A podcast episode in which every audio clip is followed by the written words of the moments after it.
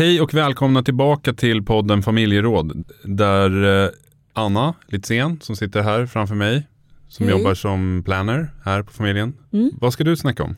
Jag ska prata om eh, någonting som kallas för stuck culture. Gud vad spännande. Vad ska du prata om? Jag ska prata om jinglar. Mm. Det är väl alla jätteintresserade av. Älskar jinglar, framförallt i reklam. Vad har du för favoritjingel? Jag gillar ju eh, lite mer popkulturella jinglar kanske. Till exempel när Netflix, när Mm. man sätter på en serie eller en film. Det är bara något ljud va? Ja, så här. Mm. Och sen gillar jag också HBOs klassisk, den här. Den har de haft länge. Verkligen. För det är nämligen som så att Sifo höll jag på att säga nu. De heter inte Sifo, de heter Ipsos. Glöm Mm. bort Sifo. Ipsos, det låter ungefär likadant. Släppte faktiskt för två år sedan, kanske är inaktuellt nu, en rapport som handlar om brand assets. Alltså byggstenar i en identitet. Det kan ju vara allt ifrån en logotyp till ett eh, typsnitt till en eh, bildmaner eller en, en tonalitet ungefär som Mocha. Oatly. Mm. Ja. Men det kan också vara eh, ljud som kan vara en brand asset. Till exempel McDonalds, I'm loving it eller Eh, Netflix som du sa. För då, då visar det sig som så då, det finns då statistik i den här rapporten som går att googla på. Då googlar man efter the power of you Ipsos views. Men då är det i alla fall en rapport som säger att om man tittar på all reklam så innehåller ungefär 6% av all reklam i hela världen någonting man kallar för en Sonic Brand Cue. Eh, och det är då en specifik ljudlogotyp eller en jingle eller liknande. Men om man tittar på vad folk minns så är det framförallt då eh, när det kommer till varumärke så är då Sonic Brand Cues det starkaste man minns. Det ligger alltså före logotyp, före förpackningsdesign och så vidare. Det som ligger högst efter Sonic Brand Cues är då en karaktär, en maskot. Mm, just det. Och de här två grejerna är ju då underrepresenterade om man tittar på all reklam. Känns lite plojigt om man är reklamare och ska Yes. göra reklam. Då vill man kanske inte göra det. För vi gör ju ibland, eller ganska ofta misstaget att vi gör reklam för vår egen bransch. Exakt. Eh, och eh, när vi ska göra reklam för folket så måste vi kanske vara lite pinsamma eller kanske göra någonting som är, eh, Mm. inte får samma eh, cred i den bransch vi befinner oss i. Ja, och det är ju lätt att uppnå med jinglar och Ja. maskotar. Ja.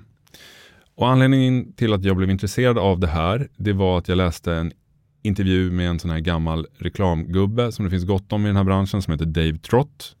Han har skrivit en bok som jag läst. Han, är, han, han, han har grundat flera byråer här för mig. Han har varit en så här legendarisk CD. Han är väl i 70 eller 80 års ålder nu. Men han var med i en intervju i Contagious Magazine, Det eh, globala reklammagasinet på nätet.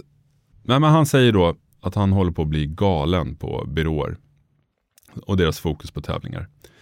Eh, och han säger så här, the real awards aren't sales. That's not a metric for our job. That's for marketing. But we're not into marketing. We're in advertising. Our real metric is, have we, have we gotten into the language? Are the school kids chanting our song? Exakt. Så det läste jag. Och sen, typ dagen efter, Mm. så går jag och ska hämta min son på hans skola. Eh, han är sju. Så han, nu, nu går han själv, men här för några månader sedan, så, eller några veckor sedan, så var, han, var jag tvungen att hämta honom. Mm. Och då gick jag över en grusplan som finns på många skolor. Och där var det en unge som sjöng, Ja, alltså ikonisk nu tycker jag. Jag tycker man hör den överallt. ja, Och man kan inte släppa den. nej, nej. Fruktansvärt, men jättebra. Ja, och då tänkte jag så här, hmm, det var exakt det här Dave Trott pratade om. Alltså, are the school kids chanting our song?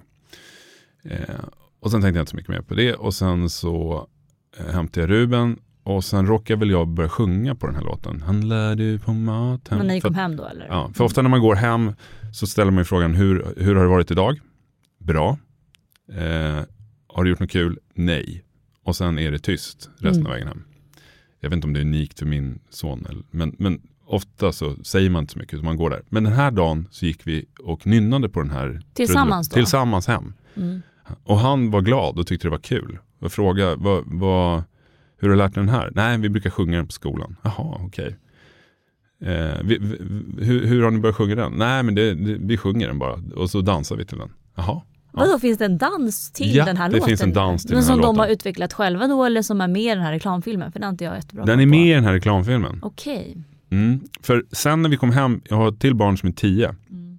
då sjöng vi på den här låten tillsammans. Det var en jävligt märklig stund.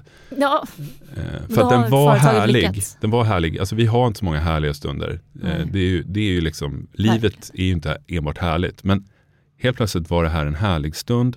Och mina barn stod och sjöng en reklamjingel. Och min dotter då som är så duktig på att dansa, hon kunde ju, kunde ju den här koreografin. mm. Och då började googla efter det här och så såg jag då att det finns då en, en ja, det är ju en reklamfilm som är inspelad som finns på YouTube med typ en dryg miljon visningar. Mm. Det kan givetvis vara uppsponsrat, man vet ju inte om det är organiskt eller om det är sponsrat. Är det en lång reklamvideo? Ja, den är då inspelad på Mathems ehm, lager ser det ut som. ja. Och så dansar de och sjunger där. Och då tänkte jag så här, vilken reklambyrå är det som har gjort en sån här okreddig grej?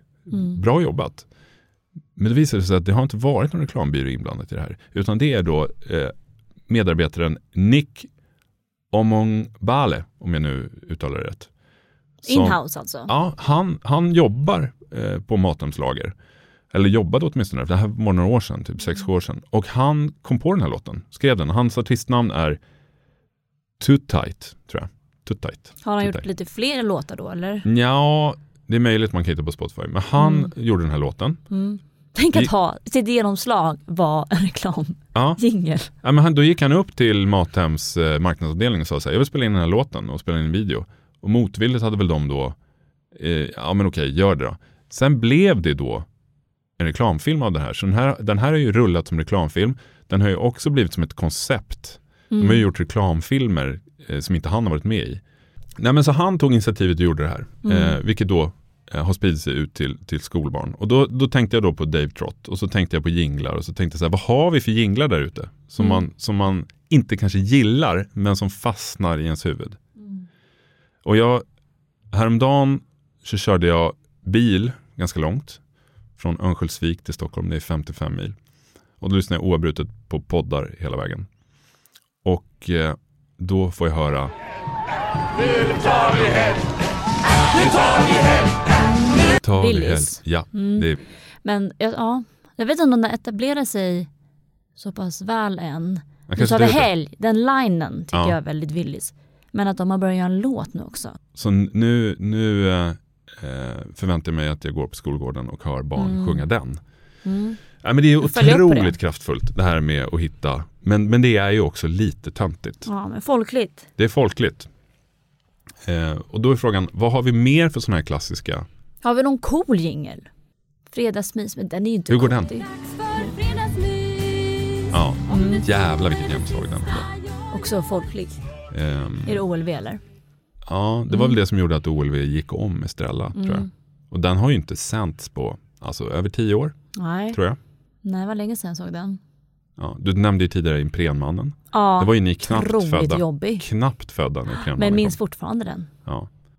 Satt, gjorde, sitt, gjorde sitt jobb. Men det är väl den här generalregeln, om man nu jobbar med det här själv, att när man håller på att avlida och Mm. dö av det man själv producerar, Mm. det är då det börjar få fäste. Och då ska man inte släppa det. Det är väldigt mycket reklam och jinglar som dras bort innan de har fått fäste. För att eh, den egna organisationen är så jävla less på det. Men eh, jag körde den här bilen och då eh, hade jag det här i huvudet med jinglar och då körde jag förbi två gånger, körde jag förbi Ekman buss. Mm. Också en gammal goding som Mm, jag hur går den? Inte, den går... Snyggt, den, har, de- den måste de också ha hållit i i flera årtionden. Men du visade ju den innan och Mm. de har ju gjort en lite mer poppigare version av den lät det som. Ja. jag, känner, jag har ju bara hört den där. Ja, vi har ju också flygresor.se. Vidrig melodi. Ja, var inte jättebra. Nej, men Nej. den sitter där i skallen. Men, men man gör en jingle, de som har störst genomslag verkar ändå vara de som har en text med.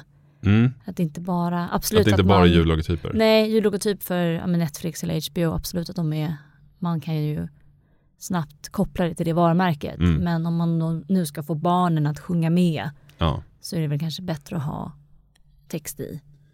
ja eh, om man nu vill få skolbarn att sjunga med. Men det kan ju också, det, alltså det, här, det, vi, det vi alla som håller på med kommunikation håller på med, det är ju kampen om tankar. Mm. Eh, vi måste vinna den.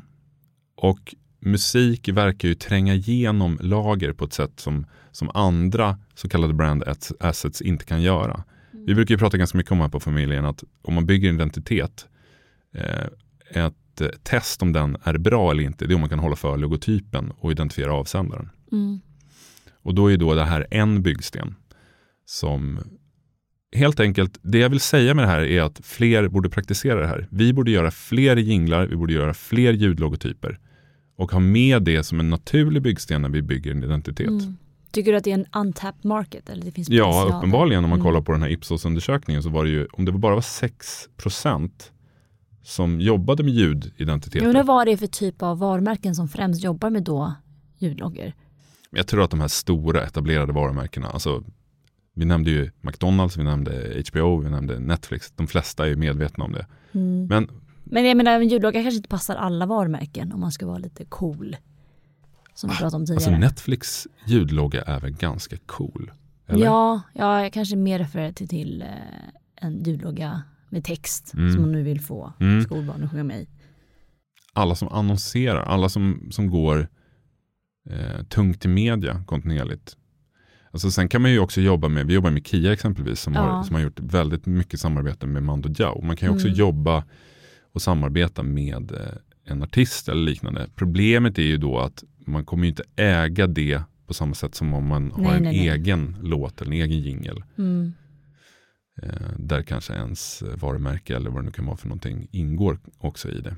Eh, vi körde ju två eller tre kampanjer med Mando Diao, Vi lever nu, den mm. låten. Och den var man ju så jävla less på till slut. Mm. Alltså man har hört den så mycket. Och då, ja, men det visar ju de, de kampanjerna vi körde med den låten hade ju väldigt högt avsändare i det. Mm. Så att det fungerar ju. Den tyckte jag ändå var, om man ska jämföra plojig ljudlogga, mm. man ska säga. Jag tycker den var rätt så bra. Ja, men det är en bra låt. Sen gjorde vi ju en förlängning av den där vi lät folk spela in en cover av den och sen ja, vi gjorde en tävling av det och den vinnande covern var ju då med i mm. nästföljande kampanj. Så det, det, blev ju som en förlängning det av det. Eh, men jag tror att vi här sitter och tänker så här, fan vi måste vidare, vi måste gå vidare, vi måste hitta en ny låt. Nu har vi gjort en ny Kia-film med, med en ny Mandy Diao-låt eh, som passar jättebra för den filmen. Men jag tror att man eh, ska våga hålla fast vid saker ja, så absolut. länge så att det nästan känns jobbigt. Ja. Då, då fungerar det. Ja, jobbig. För oss som har gjort den så kan den absolut vara ja. jobbig. Mm. Sen får man väl räkna med att det här är väl ingenting som kommer nomineras i Guldägget. Eh, att göra ljudlogotyper eller slingor. Men jag kan på något sätt känna så här. Fan, Kunden kanske vi, blir glad. Ska vi inte ha en ny kategori i Guldägget? Där, vi, där de som inte har skickat in bidrag blir nominerade. Alltså man har en liten jury som nominerar, som kan nominera sådana som Nick eh, Tuttait Omong Bale för Handlar du på mat? Jag tycker han ska ha en mm. nominering nästa år. Mm. Om, man har, om man har fått skolbarn att sjunga den här och få, fått dem att dansa den koreografin, ja. då, då, tycker jag man ändå har åstadkommit någonting. Ja, kul! Mm. Det var det jag ville säga om eh, jinglar. Jättebra, intressant. Mm. Ja, och eh, jag ska prata om någonting som heter då stuck culture, alltså att vi lever i en kultur som inte kan gå vidare. Och stuck culture är väl direkt översatt stillastående kultur. Och, eh, det innebär att det råder brist på framsteg eller betydande förändring inom då framförallt popkulturen. Det antyder också att samhället, eller kanske en specifik eh, kulturaspekt, har blivit stillastående, repetitiv eller oföränderlig under en längre period. Jag vet inte, det kanske grundar sig i en känsla av eh, trygghet och bekvämlighet men även att man kanske är lite rädd för förändring. Who knows? Typ att man är fast i här, bekanta mönster och eh, traditioner men även det här nostalgiska som vi ser idag det leder ju till att det inte är så mycket innovation eller framåtrörelse inom kulturen som vi ser idag, tycker jag. Hur tas det här ut då? Men jag ska prata om egentligen två aspekter. Och det första handlar om film och tv och det andra handlar om musik. Generellt så kan man ju se att det finns en, övervä liksom en övervägande mängd nyproduktioner eller uppföljningar på gamla saker inom då eh, film och tv skulle jag framförallt säga de är också väldigt beroende av då tidigare idéer och eh, trender vilket också förhindrar då eh, vad ska säga, framväxten av nytt och både originellt innehåll. Och till exempel så ser vi nu i film att vi på något sätt återupplever det här 2000-talet igen. Nostalgitrenden som jag pratar om är väldigt eh, tydlig just nu. Vi ser till exempel filmer, typ Barbie släpps som film nu. Vi har sett Super Mario som har släppts som film. Harry Potter återupplevs ännu en gång fast den här gången i en tv-serie som man ska ta ut. Vi återupplever också tidigare kanske meriter eller framgångar inom sporten och inom varumärken som till exempel den nya Nike-filmen som ska släppas nu. Det är Ben Affleck som har producerat den tror jag. Han är, han är med på, någon, på något håll där. Eh, om man ska ta det till Sverige så tycker jag man ser senaste reklamfilmen som Kaja har släppt. Kaja är alltså ett sminkvarumärke som Bianca Ingrosso eh, ja, liksom skapat helt enkelt. Som sålde till Verdane och, ja, exakt. Och, och, sitter och gråter över det hörde jag nu i någon ja, dokumentär. Ja, det kan vi prata om en annan gång. Mm. Men, eh, men där är det väldigt tydligt att eh, det är bara en stor flört eller hyllning kanske man ska säga till MTVs typ 2000-talet. De, här, de spelade in eh, musikvideos, de har gjort en, en, en, ny version av den här, vad heter den där låten? Superstar. Jag tycker det är väldigt intressant och om man sen också kikar då på musik och musikbranschen så ser vi nu att eh, gamla låtar utgör 70% av den amerikanska musikindustrin eller musikmarknaden. Och det är alltså 19% högre än det var för bara ett år sedan. Är det, är det covers eller är det gamla låtar? Alltså det är gamla låtar. Ja, folk lyssnar på Beatles typ. Ja precis, men nu kan jag också säga att gamla låtar innebär då en låt som är äldre än 18 månader. Men om man kollar till de här gamla låtarna så är det ju mycket Fleetwood Mac, alltså Bob Dylan. Det, det, är ändå, det är inte kanske en låt som då släpptes för 20 månader sedan mm. säger vi. Så det är ändå, skulle ändå kategoriseras som gamla låtar. Och det innebär ju då också att marknaden för ny musik krymper. Så det tycker jag är väldigt intressant och eh, det känns lite som att vi, framförallt då millennials, är, eh, går in i någon form av så kollektiv barndom. Eller att Hollywood vill att vi ska återförenas i det här, eller förenas i vår, inte historia men kanske internethistoria på något sätt. Det är många saker som formade dagens samhälle idag som jag tycker ändå just kom runt mitten av 2000-talet. Om man kollar framförallt Youtube lanserades 2005. Sen har vi Twitter som lanserades 2006. Och sen 2007 så kom den första iPhonen ut. Och iPhonen, det är ju samma telefon bara att den har fått en ny siffra bakom sig hela tiden. Det är samma produkt helt enkelt. Eller ja, du förstår vad jag menar, det är mm. produktutveckling. Men i alla fall. Netflix också kom ju ut där 2007 och revolutionerade sättet vi konsumerade framförallt online streaming. Och sen så sist men inte minst så kom ju också Facebook ut där på mitten av 2000-talet. Så att man kan se att internet som vi känner idag formades eh, väldigt mycket under 2000-talet.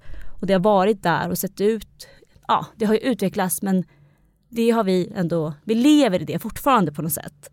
Och om man är, jag vet inte, om man är under 30 så tycker man kanske inte att det är så himla konstigt att säga, ja men så här är det nu. Men om man har levt lite längre så kanske man ser att det inte hänt så himla mycket de senaste decennierna. Vi har inte sett så mycket förändring, alltså att kulturen är väldigt fryst.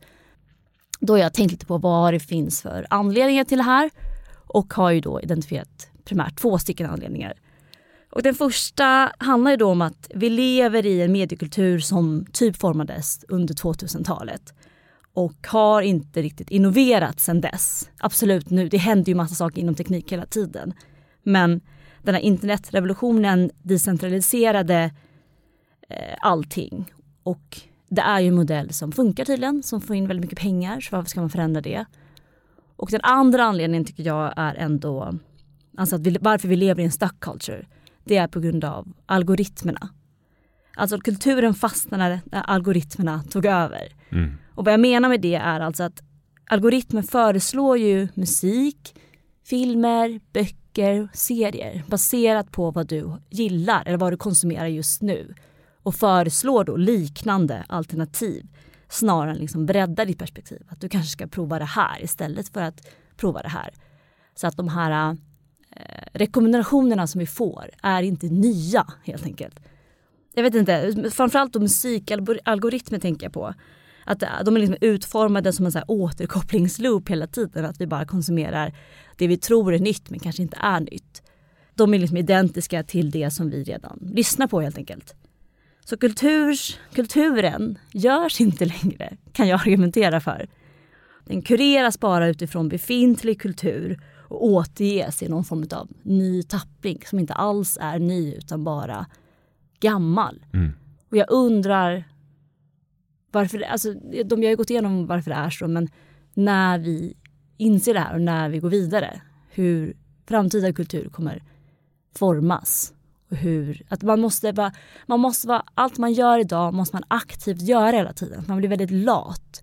Och det är väldigt skönt att bara få saker rekommenderade. Mm. Men om man breddar sitt perspektiv och kanske utmanar sig igen så måste man aktivt ta sig utanför de här gränserna. Och jag tror, eller jag ser ju att det är jobbigare. Att man, man fastnar i samma beteende hela tiden. Så det krävs mer av oss människor att ta, driva kulturen framåt. Fan, fan vad intressant. Eh, för det som slår mig är att den tekniska utvecklingen bidrar till stagnation. Mm, man, tänker, man tänker hela tiden att den tekniska utvecklingen ska tas framåt. Mm.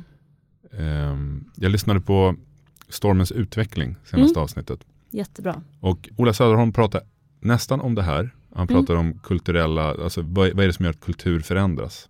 Intressant. Och det, tidigare har det varit som så att folk har bettat på en subkultur och tidigt gått in i en subkultur mm. där det byggt identitet, att man är först på någonting.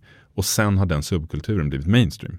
Exakt. Och så har det skett en förändring. Han tar som exempel Håkan Hellström när han kom vid 2000-talet där. Han liksom stängde dörren till det ironiska och, och liksom avmätta 90-talet. Mm. Så kom han och sjöng om hjärta och smärta och ingen fattade någonting. Nej. Och hade sjömanskostym på sig och liksom pratade om kärlek och pratade om längtan och så vidare. Det fick man inte göra på 90-talet. Eh, jag kommer ihåg när Känn sorg för mig i Göteborg kom. Jag, tänkte, jag trodde på allvar att det var en skämtlåt. Mm-hmm. Intressant. Varför trodde du det för? Nej, men jag, för, för jag hade aldrig hört något liknande. För 90-talet var ju, var ju ganska hårt. Eh, alltså det var ju, jag personligen lyssnade på mycket så skatemusik och hardcore och, mm. och punk och så vidare. Och hiphop det var, liksom, det var, ett ganska, det var en ganska hård stämning, man skulle dissa varandra hit och dit. Och så kommer någon sprätt och sjunger Känn ingen sorg för mig i Göteborg. Mm. Och sen tog det fem år, eh, då en, en late adopter. Och sen så tyckte jag att Håkan Hellström var jättebra. Mm. Men just det här då, eh, nu kanske jag kapar din prat här. Nej, men, jag, ja, men just det här då att idag så finns det ingen, det finns ingen cred i att vara smal idag. Nej, exakt. Eh, utan det som dominerar är ju mainstream, rakt igenom. Och det finns ingen, ingen ung människa idag som känner så här, nu ska jag eh, fördjupa mig i det här för det kommer bygga min identitet. Det, det existerar inte idag. Nej. Snarare är det ju bättre att, att liksom bench, binge, kolla Kardashians och, och gå på eh, Beyoncé-konsert som är fyra timmar hjärndött innehåll. Mm. Eller vad mm. nu kan säga. Fan, Beyoncé är inte hon överskattad egentligen? Hon är väldigt överskattad. Alltså, jag kan typ två Beyoncé-låtar. Ja, det, var det, är, kul. det är bara yta. Alltså det är bara perfektion och yta. Det är så jävla ointressant. Ursäkta att jag säger mm. det. Eh, men det är ju det som folk tycker om idag. Mm. Det är liksom det, det, är liksom analblekning och japanska toaletter. Det, det, allting ska bara vara perfektion. Det är totalt mm. ointressant. Och precis som du är inne på, det är det som bidrar till den här stagnationen.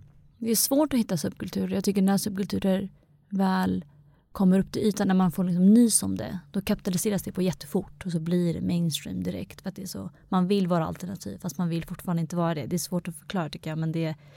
men har inte mainstreamen kidnappat alla gamla subkulturers uttryck också? Ja, absolut. Det har det ju gjort verkligen.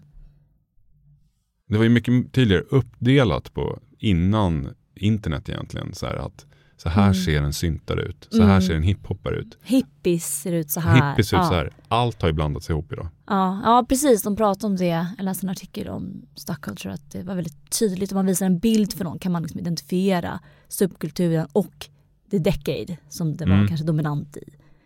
Men om du visar en bild från 2000-talet upp till 2020 då skulle ingen vet. Skulle det kunna vara. Förstår att allting är trendigt men inget är trendigt. Nej. Det också finns ingenting som definierar 2000-talet på samma sätt som det finns saker som definierade 80-talet, 60-talet mm. eller så vidare, 20-talet. Alltså det är väldigt tydligt när man ser bilder att åh, där är ljuva 20-talet. Ser man bilder av bara, mm, jag vet inte riktigt. Tycker Men- jag är kul. Men det är ju så himla lätt att fastna i att allting var bättre förr. Mm. Eh, vad, vad tror du framöver här då? Med, eh, Med kulturen? Mm, Finns det någon räddning? Eller ska vi bara leva i det här Marvel-universumet för evigt? mm, jag undrar när folk kommer få en epiphany och när man inser det här att gud, vi har ingen, vi, vi har ingen kultur som formar 2000-talet. Vad gör vi? vi måste, men det kanske kommer vara det att det är ingenting som riktigt formade 2000-talet förutom teknologins innovation och utveckling. Och det får vara så fram tills det kommer någon breakpoint. Jag är en riktig skärmdumpsknarkare. Mm, Jag håller ni, skärmdumpar ni mycket? nej. Nej, ingenting. Men jag skärmdumpade häromdagen så var det någon som hade skrivit offline is the new luxury. Ja, Bara så här. yes. Eh, och det tänker jag att eh, om vi ser en sån trend. Eh, det finns, det finns Mm. ju så här rykten om att eh, i, i liksom Silicon Valley i San Francisco så förbjuder liksom alla startup-grundare sina barn att ha skärmar. Ja, det ligger någonting i det. Jag tror absolut, vi pratar mycket när vi tar fram nya idéer, att idéer är ju svårt och de är inte originella för man inspireras bara av andra idéer. Och det finns Mm. inget fel med det. Men det beror också på hur man börjar en kreativ process. Om man börjar med search internet eller om man börjar med att eh, gå utanför internet och ut i människors liv. Förstår du vad jag menar? Alltså Mm. går ut på gatan bara, något sånt där. Man börjar analogt istället för digitalt. Jag tror det kan göra saker med oss. Men eh, om du skulle eh, tipsa om hur man kan, för just en annan grej jag har tänkt på. Du vet ju mycket väl Anna att jag har läst filmvetenskap, Mm. eller hur? Ja, det Ja. vet jag. Och Vad tog ju- du med dig från den ja, kursen? men det jag har reflekterat över ganska många gånger, det var ju då, man läste filmvetenskap under ett år.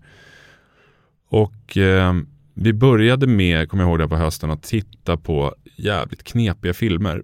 Som var, det kunde vara så här 45 minuter lång inzoomning. Det var en film. Eller det kunde vara Mm. en film som en regissör som hade fått eh, HIV för mig som hette Derek Jarman. Som t- på något vis så sattes viruset eller vad det nu var för någonting på hans synnerv så han såg bara blått. Mm. Och så gjorde han en hel film som bara är blå och man hör folk sitta och fika på ett café. En och en halv timme. Har jag för mig. Mm. Eh, och det märkliga var att jag kunde till slut uppskatta det där. Det var som att man sakta, sakta nöttes in i att se jävligt märkliga filmer och kunde uppskatta och få ut någonting av det. Det där är ju helt förstört idag. Och nischade. Ja, men, vad menar du? alltså, jag har inget tålamod alls. Om jag sätter på en film och jag känner så här, ja, men, Mm. dåligt foto, dålig dialog. Alltså den får, den får tre minuter, stänger jag av den. Mm. Det kan ju också vara saker som jag uppenbarligen tycker är bra. Typ börja läsa en bok, så den här boken är bra, fast jag ska nog kolla lite på Instagram istället. Mm. Så det känns som att för att kunna uppskatta den där svåra, smala kulturen så kräver det också att man inte har tillgång till sin telefon hela Ja, tiden. precis. Man måste, eh, För du måste liksom bort. aktivt jobba med att ta del av bra kultur. exakt, Det är, liksom sant. ett arbete. Det är ju fan ett arbete att se ja, på en jobbig, en, en smal film. Det är ju fan ett jobb. Ja, eller typ. gå på en utställning. Ja, en utställning eller Ja. det kan vara för någonting. Det här lättsmälta, det här som har gjort att livet hela tiden är jämnbra hela tiden. Förut Mm. var ju, fan vad tråkigt, alltså jag kan säga, jag växte ju upp på 90-talet, Mm. eller slutet av 80-talet. Livet var ju så jävla, alltså vi hade ju så jävla tråkigt. Hade Alltså, ni? ja men herregud. Tänk dig när jag var 10, 11, 12 bast. Mm. Kom hem från skolan. Det var mörkt och jävligt. Vi hade en kall skinnsoffa. Vi hade ingen parabol eller, eller kabel-tv eller någonting. Fyran fick vi inte in för att det var, vi låg i någon slags radioskugga. Man satte på ettan och tvåan. Mm. Alltså fattar du hur tråkigt vi hade? Mm. Man var ju tvungen aktivt då liksom angripa livet och Ja. gå ut och ta tag i det. Tror vi kanske bara måste vara bättre på att ha tråkigt kanske. Ja, men det är det jag menar idag. Jag har ju aldrig tråkigt. Nej, Man har ju aldrig tråkigt och det gör ju att man hela tiden kanske inte uppskattar det roliga heller.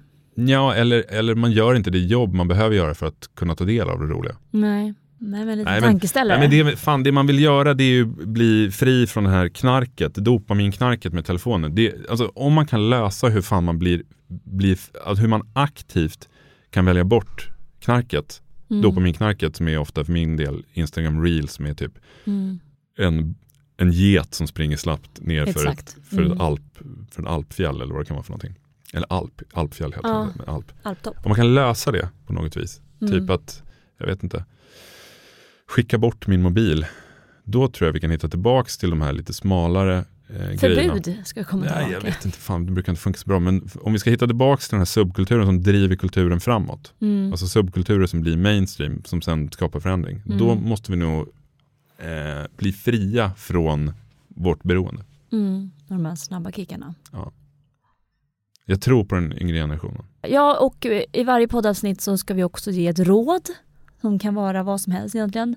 Och mitt råd den här, den här gången är att eh, våga ha tråkigt. Bra, jag ska våga ha tråkigt. Bara Mm. ligga och rulla tummarna. Mm. Tristess föder kreativitet. Ja.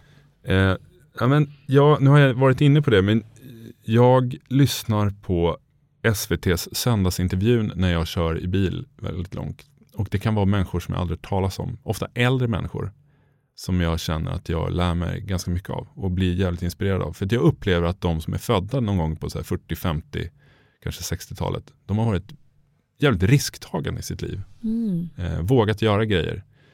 Eh, och det är sjukt, och de, de är inte så, ehm, de har inte heller, heller liksom tryckts ner av, de har inte drabbats av internet på samma sätt som vår generation gör. Där man är Nej. lite ängslig för vad man ska tycka och tänka hela tiden. Utan de, de har kört sitt race och det tycker jag är jävligt inspirerande att lyssna på. Så lyssna på söndagsintervjun. ska vi göra. Tack! Tackar.